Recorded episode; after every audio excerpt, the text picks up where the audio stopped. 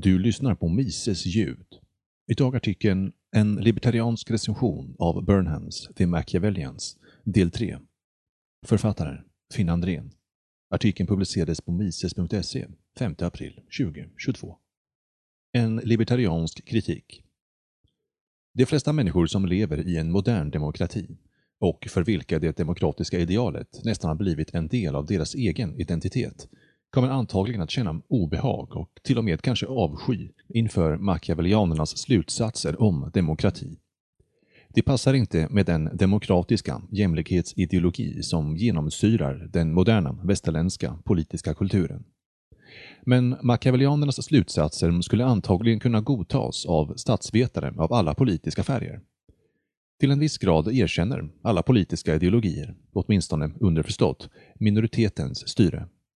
Särskilt libertarianer borde ha en naturlig samhörighetskänsla med den machiavellianska statsvetenskapen eftersom den bekräftar deras motstånd till den politiska makten. Burnham visade i sin bok att de machiavellianska tänkarna förutsade med nästan ett sekels försprång, om än i en grov och outvecklad form, sådana viktiga libertarianska bidrag till statsvetenskapen, såsom teorin om public choice och regulatory capture. Machiavellianerna skulle utan tvivel hålla med om att den styrande minoriteten, som består av politiker, statstjänstemän och deras kontakter i finans och affärsvärlden, har sina egna skäl och intressen att påverka politiken och styra offentliga pengaflöden. Det är därför något ironiskt att den mest relevanta och konstruktiva kritiken till Burnhams bok och den machiavellianska statsvetenskapen är den från libertarianismen. Denna libertarianska kritik gäller Burnhams outvecklade statsteori och hans svaga frihetsbegrepp, som följaktligen begränsar hans lösning för att ta itu med demokratins oligarkiska tendenser. En outvecklad statsteori. Libertarianismen antar vanligtvis den Weberska definitionen av staten, det är staten, sedd som en enhet med våldsmonopol över ett visst område och således är det den som där tillhandahåller säkerhet, rättsväsen och även andra tjänster. I gengäld kräver staten ersättning för sina tjänster och lydnad inför sina regler. Eftersom staten är den främsta av alla som kränker privat egendom så ser alltså libertarianer staten som den första och största frihetsberövaren i samhället och det definierar således politisk frihet som frånvaron av statligt tvång. Med denna definition är graden av politisk frihet i samhället vid varje given historisk tidpunkt beroende på statens storlek och dess räckvidd i samhället. Machiavellianerna tog inte hänsyn i sin politiska analys till statens historiska tillväxt sedan nationsstatens födelse i slutet av 1700-talet eller till den objektivt och historiskt sett mycket vida roll den spelar i det moderna samhället. Kanske var den utvecklingstrenden inte så uppenbar för machiavellianerna, vilka främst arbetade före första världskrigets slut, men Burnham kunde ha sett det. Men Burnham identifierade inte helt klart staten som en social enhet skild från resten av samhället.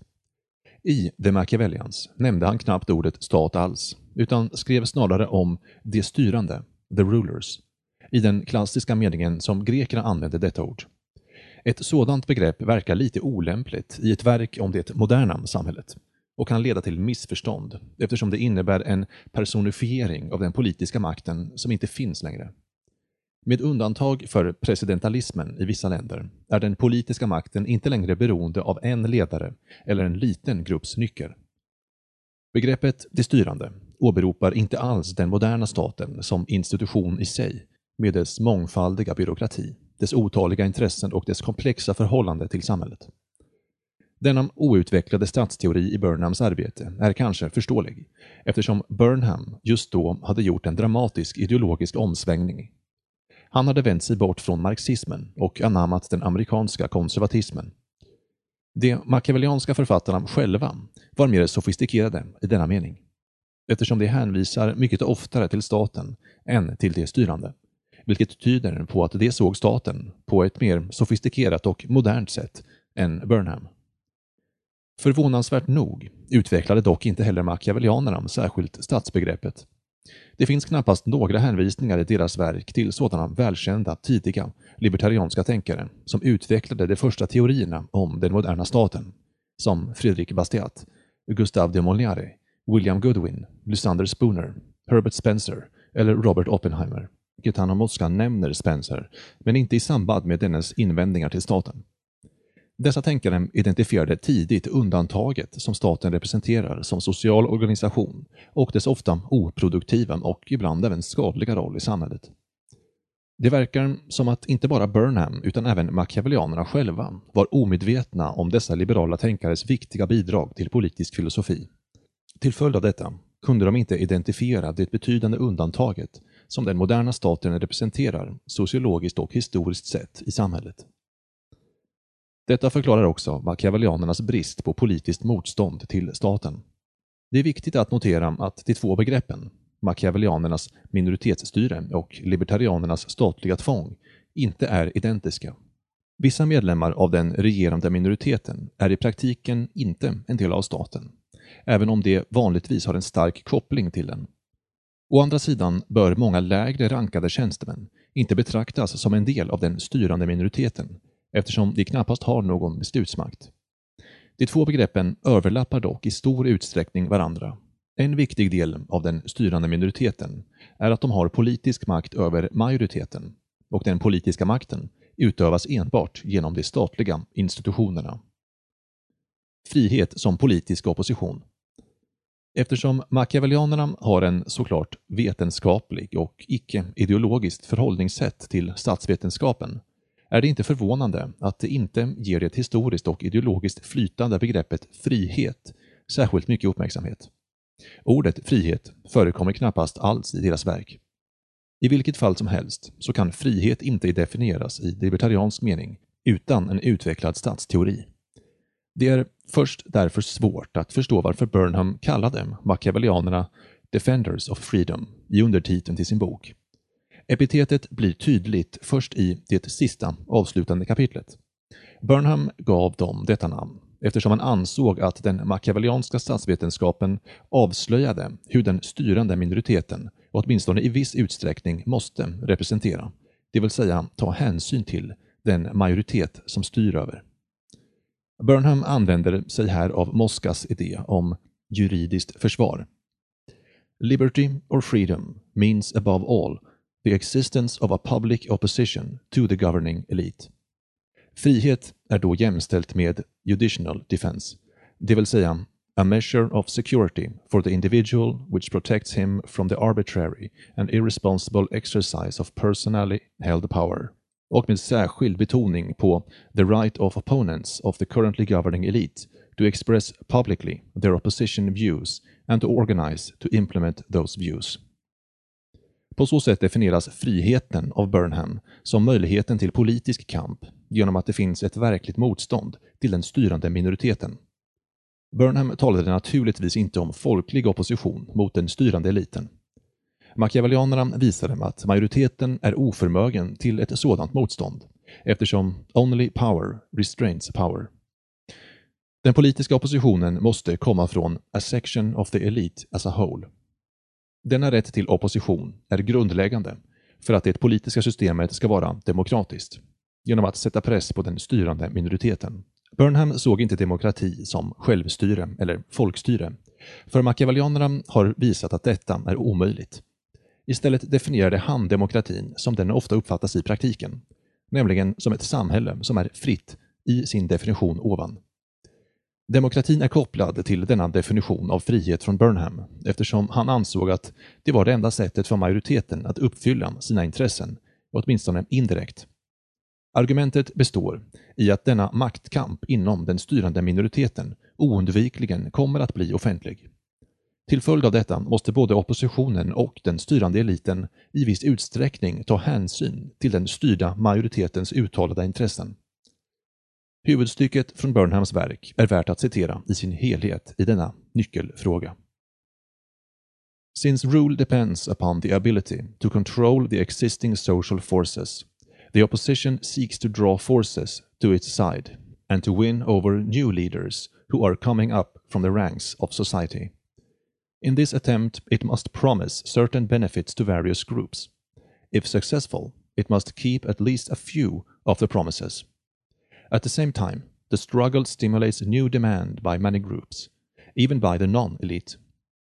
Finally, the opposition must seek to destroy the prestige of the governing elite by exposing the inequities of its rule, which it knows much better than do the masses. Confronted with this multiple attack, the governing elite, in order to try to keep control, is in turn compelled to grant certain concessions and to correct at least some of the more glaring abuses. The net indirect result of the struggle, which from one point of view is only a fight between two sets of leaders, can thus be benefits for large sections of the masses. The masses, blocked by the iron law of oligarchy from directly and deliberately ruling themselves, are able to limit and control indirectly the power of the rulers. Den process som Burnham beskriver finns och har möjlighet att öka majoritetens inflytande, vilket inflytande som den styrda majoriteten exakt vinner på att det finns en politisk opposition beror förmodligen på särskilda förutsättningar i varje samhälle. Burnham var nog antagligen för optimistisk när det gäller detta inflytande med tanke på majoritetens generellt ovetenskapliga inställning till politiken Burnham kanske också var alltför optimistisk när det gäller tron att förekomsten av en politisk opposition inom den styrande minoriteten helt enkelt skulle tolereras. Som Burnham medgav i samma avslutande kapitel, för att denna process ska kunna fungera, så måste också den styrande minoriteten vara vetenskaplig i sin syn på den politiska makten. Detta därför att när den styrande minoriteten bäst tjänar sina egna intressen på kort och lång sikt så tillgodoser den optimalt också en del av majoritetens krav, som det föregående citatet klargör. Historiska erfarenheter visar dock att detta inte är en egenskap som man ofta kan förvänta sig av de som har politisk makt. Tvärtom visar den styrande minoriteten ganska ofta tecken på inkompetens och kortsynthet. Många exempel, både gamla, moderna och mycket nya, visar att styrande eliter ofta har undergrävts av sina egna politiska misstag, både inom inrikes och utrikespolitiken. En sammanblandning av frihet och demokrati. Från ett libertarianskt perspektiv, med en sådan definition, blandar Burnham farligt samman begreppen frihet och demokrati. Att tala om fördelarna med politisk opposition är en sak, men att likställa den med frihet är något annat. Att kalla demokratier fria för att de accepterar politisk opposition är den gemena politiska ställningen. Idag sker detta ständigt med det underförstådda, ibland öppet uttryckta cirkelresonemanget att demokratier är fria just för att de är demokratier. Det är lite förvånande att Burnham antog denna förenklade och svaga definition av frihet. Att förena frihet med demokrati är farligt ur liberalismens synvinkel eftersom det innebär att ett så grundläggande begrepp som skyddet av äganderätten hamnar i skymundan. Demokrati är inte i sig ett skydd mot brott mot privat egendom. Tvärtom har moderna liberala demokratier rejält ingreppsvänliga stater som ständigt kränker äganderätten genom sin påtvingade skatte och penningpolitik, sina handelsrestriktioner och reglerande ramverk.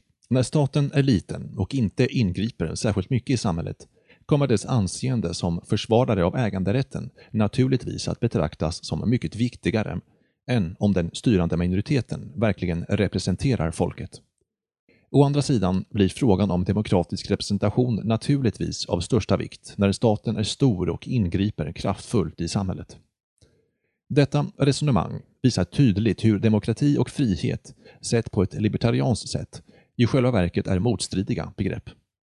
Det förklarar varför denna sammanblandning av demokrati och frihet har kritiserats av många av de ledande libertarianerna som Murray Rothbard, Hans Hermann Hoppe, Rose Wilder Lane, F.A. Harper bland andra.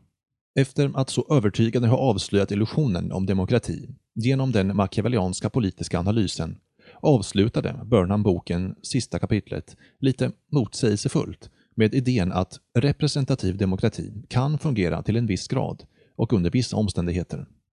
Genom att dra denna slutsats genom att förklara hur han ansåg att den styrda majoritetens politiska önskemål kan beaktas, övergav Burnham machiavellianernas värdfria syn på politiken, som består i att stå utanför och över ideologin.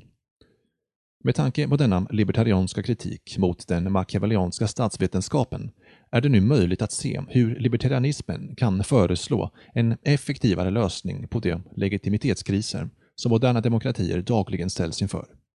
Allt eftersom de oundvikligen blir allt mer oligarkiska och auktoritära.